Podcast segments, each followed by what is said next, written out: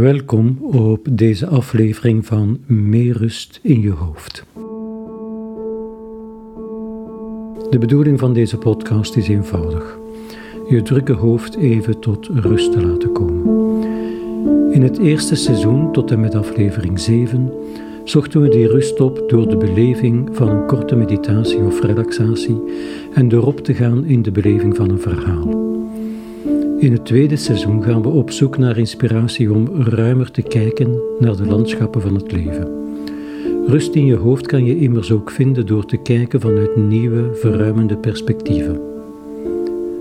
Vertel me over je luisterbeleving. Ik lees je graag. Het zou ook fijn zijn mocht je deze podcast willen delen.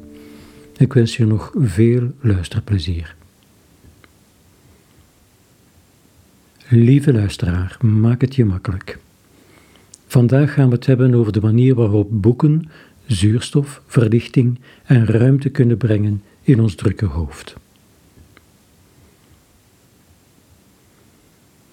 Dit is, naar mijn idee, een van de essentiële taken van de literatuur. Het maakt haar onvervangbaar.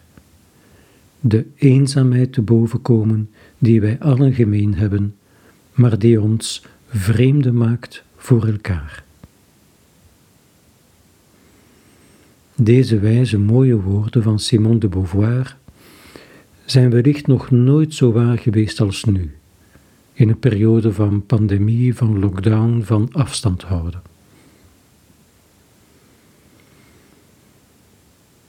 Maar boeken lezen heeft een breed spectrum effect. Met elke roman of biografie die je leest, leer je telkens opnieuw iemand kennen die anders is, anders kijkt naar de wereld, een andere geschiedenis meetorst en een andere manier heeft om met hetzelfde om te gaan als waar jij van wakker ligt.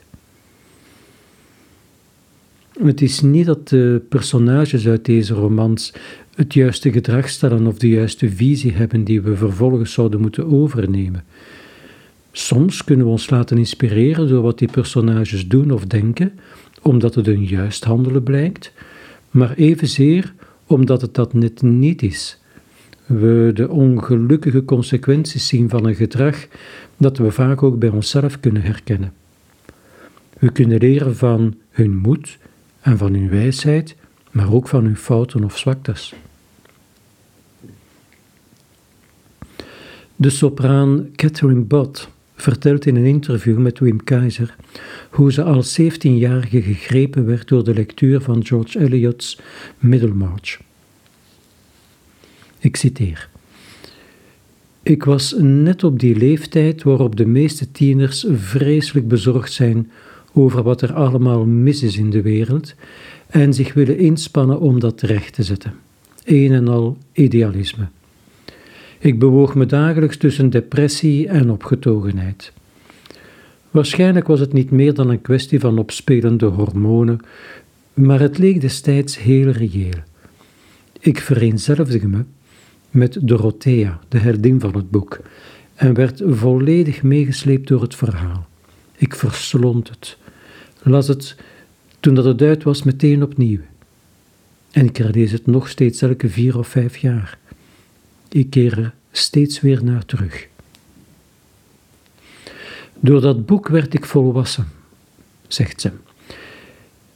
Je moet tijdens het lezen wel volwassen worden, want het is een boek waarin elk personage een persoonlijke groei doormaakt en in de loop van het verhaal zijn ideeën over de wereld ontwikkelt. De reden waarom dit boek voor mij zo'n bron van schoonheid en troost is, is omdat het zoveel verschillende elementen heeft en zo'n sterke karakterontwikkeling in de personages. Dorothea is in het begin van het boek enorm idealistisch. Toen ik 17 was, was ik enigszins teleurgesteld omdat, hoewel het boek een en ze leefde nog lang en gelukkig eind heeft, het geen echte climax kent. Pas toen ik ouder werd, begreep ik dat dat een belangrijk aspect van het boek is. Dorothea is in het begin een volkomen onrealistisch iemand, maar in de loop van het boek groeit ze. George Eliot laat je zien dat het prima is om een paar tegenvallers te hebben in het leven, om volwassen te worden en het leven te accepteren zoals het is. Op een vreemde manier zie ik het als een van de lessen van Middlemarch dat mensen ondanks zichzelf altijd zichzelf zijn. Dus laat het leven maar komen en vecht er niet tegen. Dat is de les. Blijf vooral trouw aan jezelf.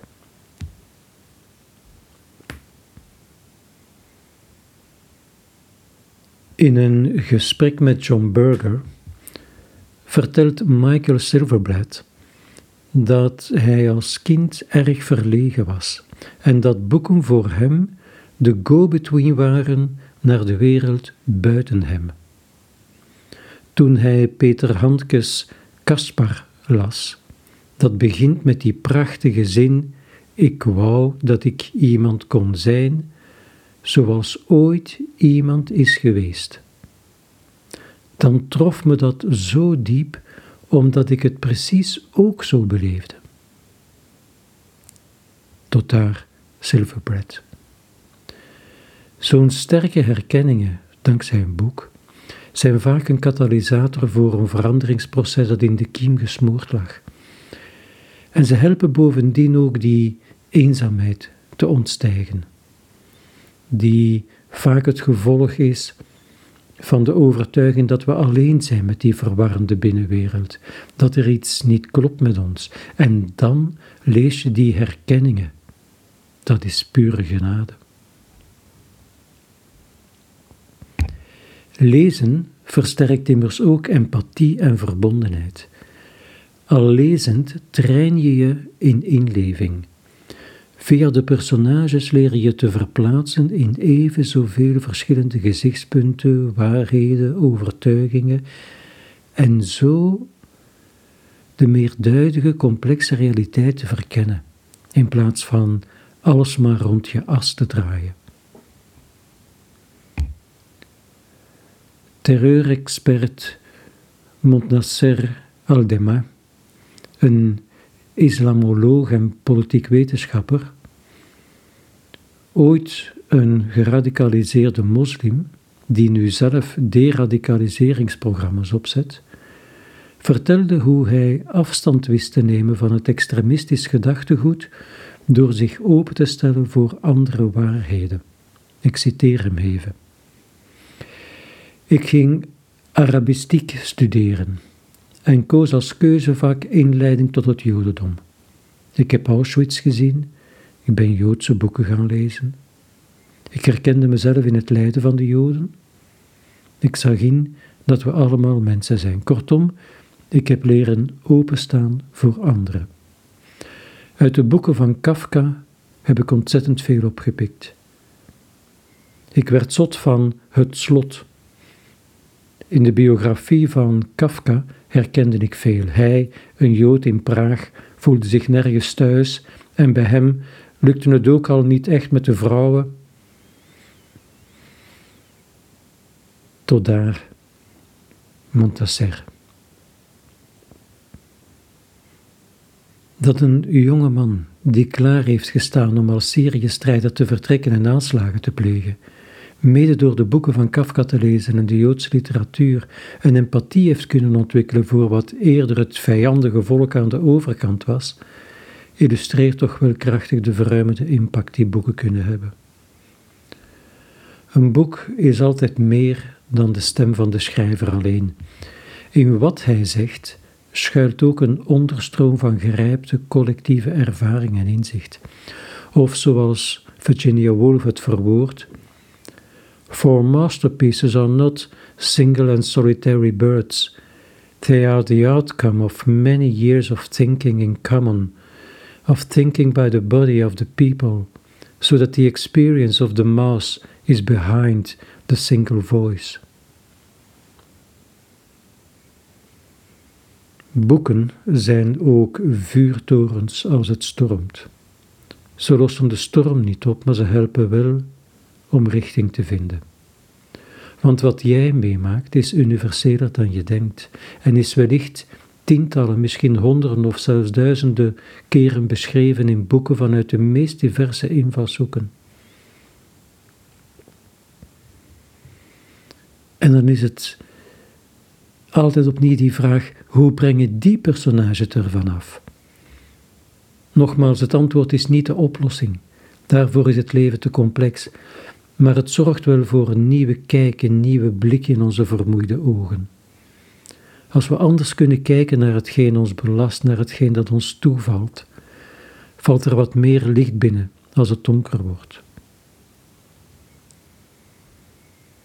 Door de lotgevallen van de personages te lezen en van op afstand te kijken naar de wetmatigheden in hun verhaal, merk je dat ze dikwijls hun ongeluk tegemoet lopen door in een plaatje te stappen dat vaak van oudsher als het evidente en het juiste wordt gezien.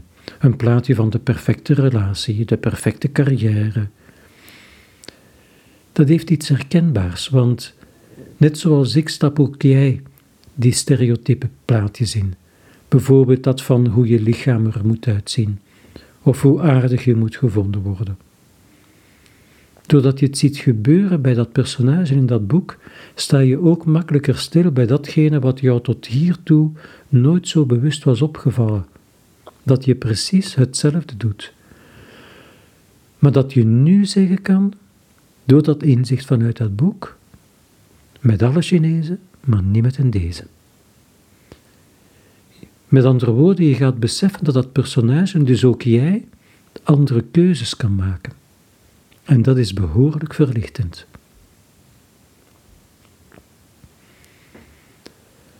Boeken kunnen het onzichtbare zichtbaar maken, het onuitspreekbare uitdrukken. En in de monden van de mensen het moedig bespreekbare kittelen tot deelzaamheid. In een boek van Paolo Giordano staat volgende zin. Als ik het lijfje van mijn zoon tegen me aandrukte, reageerde mijn lichaam ongewild met seksuele opwinding.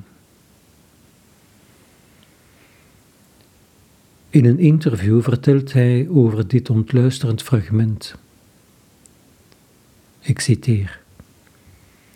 Dat is typisch een zin die je schrijft zonder dat je het goed en wel beseft en waarvan je je achteraf afvraagt of je hem wel moet publiceren. Dat vergt moed. Het is veel gemakkelijker te schrappen. Maar wat ik daar beschrijf komt nu eenmaal voor. En dan is het geweldige van literatuur dat het dat soort ervaringen ter sprake kan brengen. Literatuur is er om gesloten dozen vol collectieve schaamte onvervaard te openen.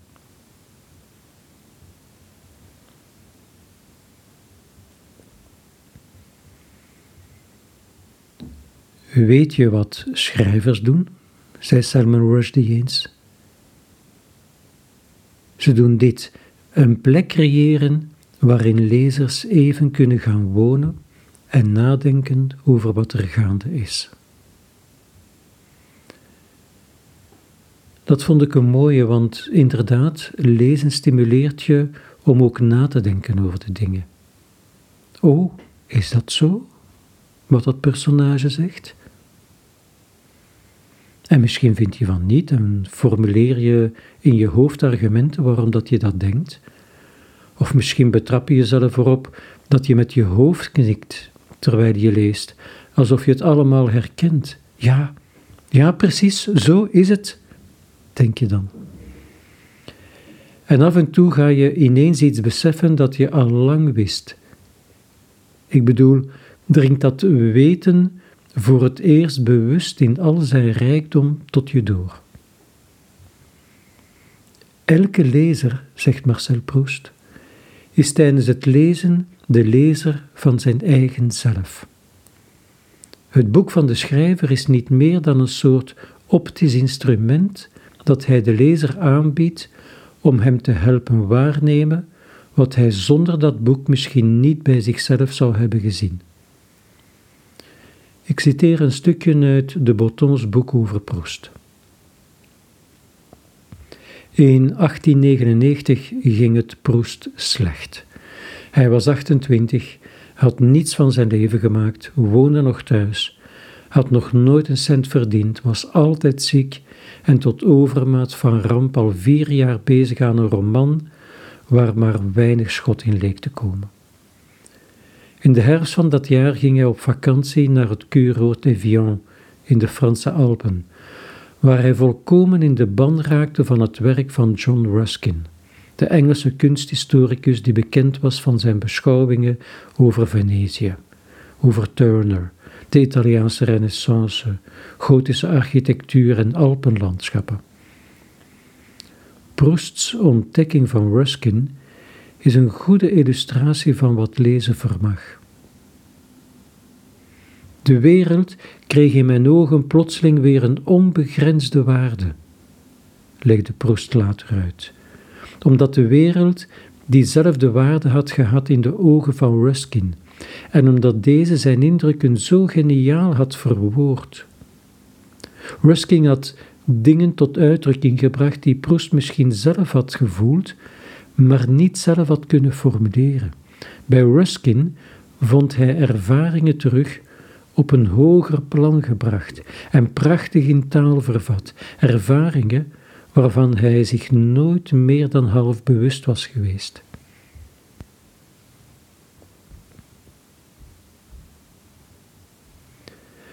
Er is nog een ander voordeel aan boeken lezen. Je leert jezelf beter uitdrukken. Wat je nu precies voelt is niet altijd in gewone taal te vatten en schrijvers zien het nu net als een uitdaging om de juiste woorden en beelden te vinden om hieraan uitdrukking te geven. Dat kan al vroeg beginnen, zoals bij Patti Smith. In Just Kids vertelt ze hoe ze als peuter tijdens een wandeling met haar mama in een park geweldig geëmotioneerd raakte door voor het eerst een zwaan te zien die haar vleugels opsloeg en wegvloog. Haar mama zei: zwaan. Maar voor de kleine Patty kon dat woord helemaal niet die prachtige schoonheid dekken die ze had gezien, en zeker al niet de intense emoties die ze ervaren had. Een woord, taal, schoot hopeloos tekort.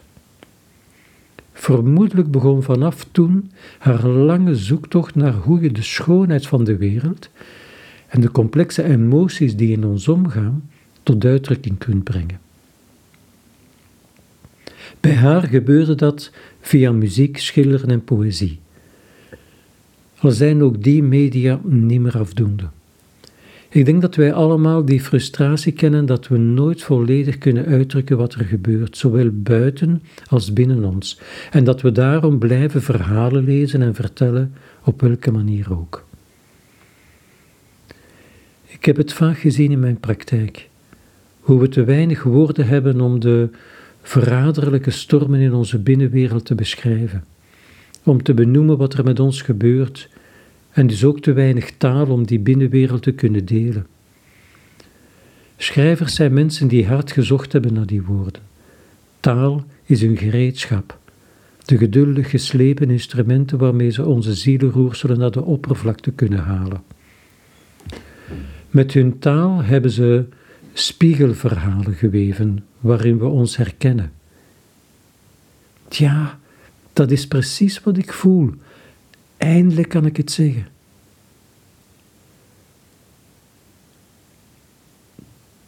Kunnen benoemen is een voorwaarde tot verandering. In aan Chesil Beach gaat het over een jonge man die last heeft van vroegtijdige zaadlozing en zijn vriendin heeft een aversie voor seks, maar geen van beiden hebben woorden om over hun seksualiteit te spreken. Hoe had hij over zijn speciale persoonlijke afwijking moeten beginnen? Wat hadden zijn eerste woorden kunnen zijn? Die bestonden niet. Zo'n taal moest nog worden uitgevonden. De tragische afloop van hun verhaal zal niet zo gelopen zijn, mochten zij de woorden gehad hebben om hun geknelde gevoelens tot uitdrukking te kunnen brengen, om te kunnen spreken over dat wat tot dan onspreekbaar was. En misschien hadden ze uit boeken die woorden kunnen plukken.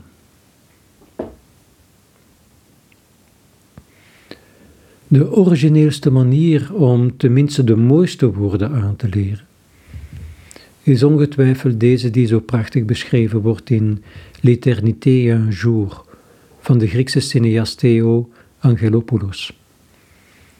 Het gaat om een anekdote over een Griekse dichter uit de 19e eeuw die in Italië woonde, waar hij was opgegroeid.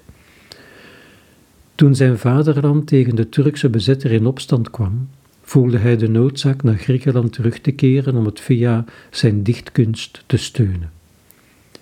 Aangekomen op het ouderlijke eiland had hij maar één handicap. Hij kende geen Grieks. Toen ging hij van huis tot huis, later van dorp tot dorp, en kocht de woorden van de mensen. Het nieuws verspreidde zich snel en weldra kwamen van heinden en verre bezoekers bij hem langs, die de mooiste woorden meebrachten in de hoop dat hij ze zou kopen.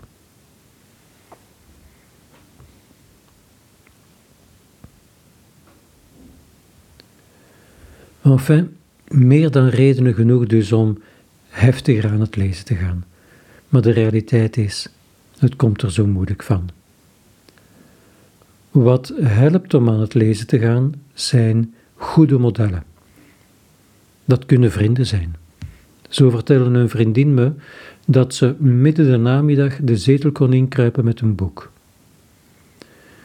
De niet van arbeidsethos gespeende zelfstandige in me ging meteen op zijn nachterpoten staan, alsof die vriendin heilig schennis had gepleegd en dringend haar mond met wijwater moest spoelen. Maar een ander deel in mij, de hedonist, brak een lans voor de leerervaring van het experiment en zei gewoon: Doe het eens en we zien wel wat het geeft. De eerste keren dat ik in de zetel kroop met een boek, in de loop van de dag, was ik er al na tien minuten weer uit, verkrampt van de onrust en met een schuldgevoel tot in Tokio. Ongehoorde tijdsverspilling, fulmineerde de triomferende zelfstandige in me.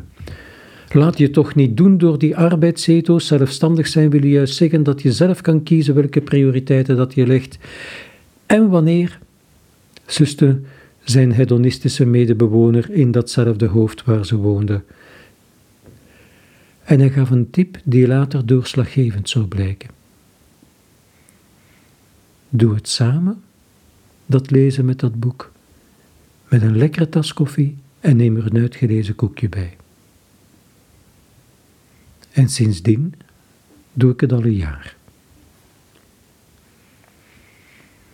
Dat was nu een mooie inspiratie van een vriendin, maar een goed model kan ook een stimulerende leraar of een prof of een schrijver zijn.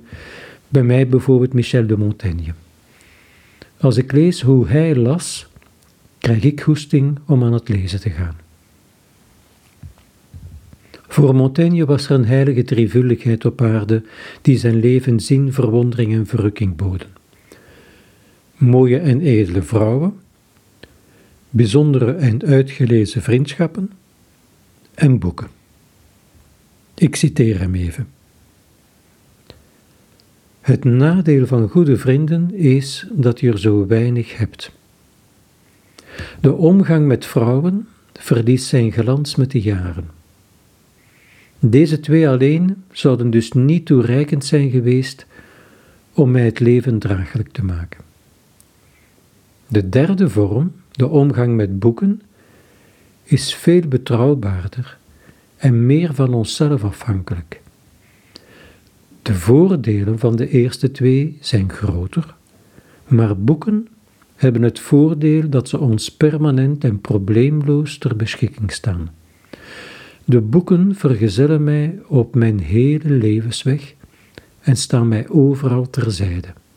Zij troosten mij op mijn oude dag en in mijn eenzaamheid. Zij verdrijven de verveling van het niets doen en bevrijden me, zodra ik maar wil, van gezelschap dat ik vervelend vind. Zij verlichten mijn aanvallen van pijn, zolang die niet op zijn hevigst en alles overheersend is. Als mijn gedachten mij kwellen, hoef ik alleen maar mijn toevlucht te nemen tot mijn boeken. Ze nemen mij zonder meer in hun wereld op en verdrijven mijn zorgen.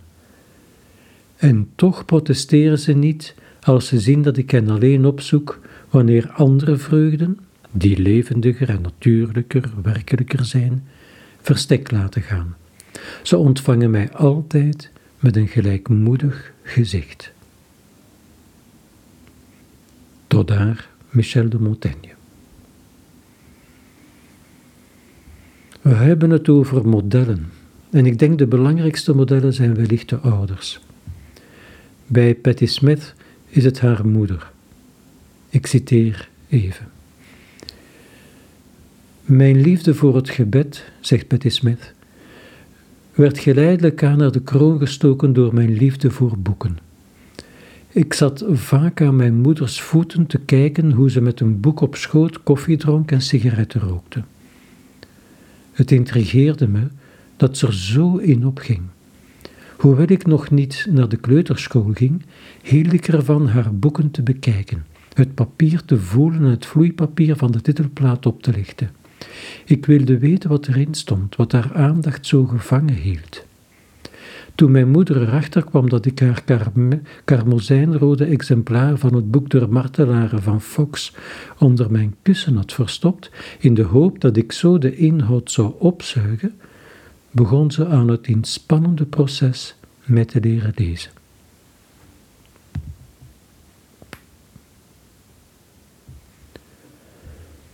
Filosofie confronteert ons met vragen over het complexe bos van het leven waarin, waarin dat we getropt werden en stelt ons wegen voor om eruit te geraken. Maar er zijn zoveel wegen dat we soms door de bomen het bos niet meer zien. Boeken tonen ons geen wegen. Zij leren ons hoe je in dat bos kan leven en overleven, door de ervaring van de personages met ons te delen. Die talloze levenservaringen, die vanuit die boeken tot ons spreken, kunnen een leerzame inspiratiebron zijn op onze eigen lange tocht door het bos. Wetenschap is erg handig om de buitenwereld te leren kennen, maar schiet te kort om oplossingen te bieden voor de dwalingen in de dubbelzinnige wereld van onze ziel, waar niets is wat het lijkt. Het is als het verschil tussen een kubus en een vierkant. Als je de driedimensionele kubus projecteert op een muur, dan heb je een vierkant. Dat vierkant kan je begrijpen als je de kubus kent, maar omgekeerd is dat niet het geval. Veel psychologische theorieën zijn geprojecteerde vierkanten. Literatuur en kunst zijn de complexere kubussen in onze geest. In de literatuur vertrekt men niet van axioma's en theorieën, maar vanuit de complexiteit van het leven zelf, zonder deze te reduceren tot een denkmodel waarin dat alles moet passen. Zoals men dat doet in de psychologie, waar men de werkelijkheid reduceert tot een denkkader. De literatuur daarentegen geeft je geen tools, maar stelt je nieuwe vragen. Wie ben ik? Wat doe ik hier? En waar moet ik naartoe? Bij literatuur gaat het niet om kennis, maar om verwondering. Literatuur geeft vlees aan de filosofieën en theorieën. In tegenstelling tot het lezen van filosofen is het lezen van een roman een beleving in plaats van louter inzicht. Boeken moet je lezen zoals je zou willen leven, met aandacht, met nuancering, met verwondering, met plezier, met ontvankelijkheid, met mededogen, met moed. Wetenschap interesseert zich enkel voor feiten en dat is oké, maar daar schieten we niet altijd mee op. Filosofie moet zich bezighouden met waarden en literatuur met beleving. Zij moet ons uit de comfortzone kittelen en ons niet alleen out of the box laten denken, maar ons vooral tot verruiming aanzetten door nieuwe ervaringen toe te laten. Volgens Virginia Woolf kan je best een boek lezen in twee fasen. In de eerste lees je van het eerste tot het laatste woord. De tweede fase begint nadat je het boek hebt dichtgeklapt. Daartoe moet je wel even de knop omdraaien en zalm worden, tegen de tijdstroom inzwemmen, over de barricades van het doelgericht te lezen, de terreur van de prestatie, het willen aankomen en meteen weer weg zijn. De tweede fase is er dus eentje waar je in terechtkomt door het boek neer te leggen en je ogen te sluiten.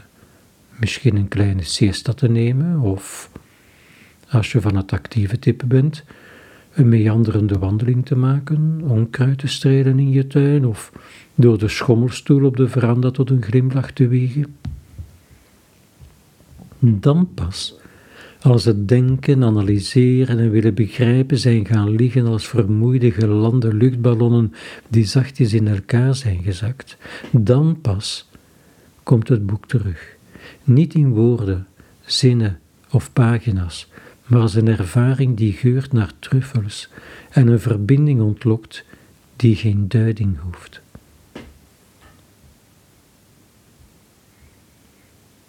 En tenslotte, zoals u weet, lieve luisteraar, wie van boeken houdt, gaat nooit alleen naar bed.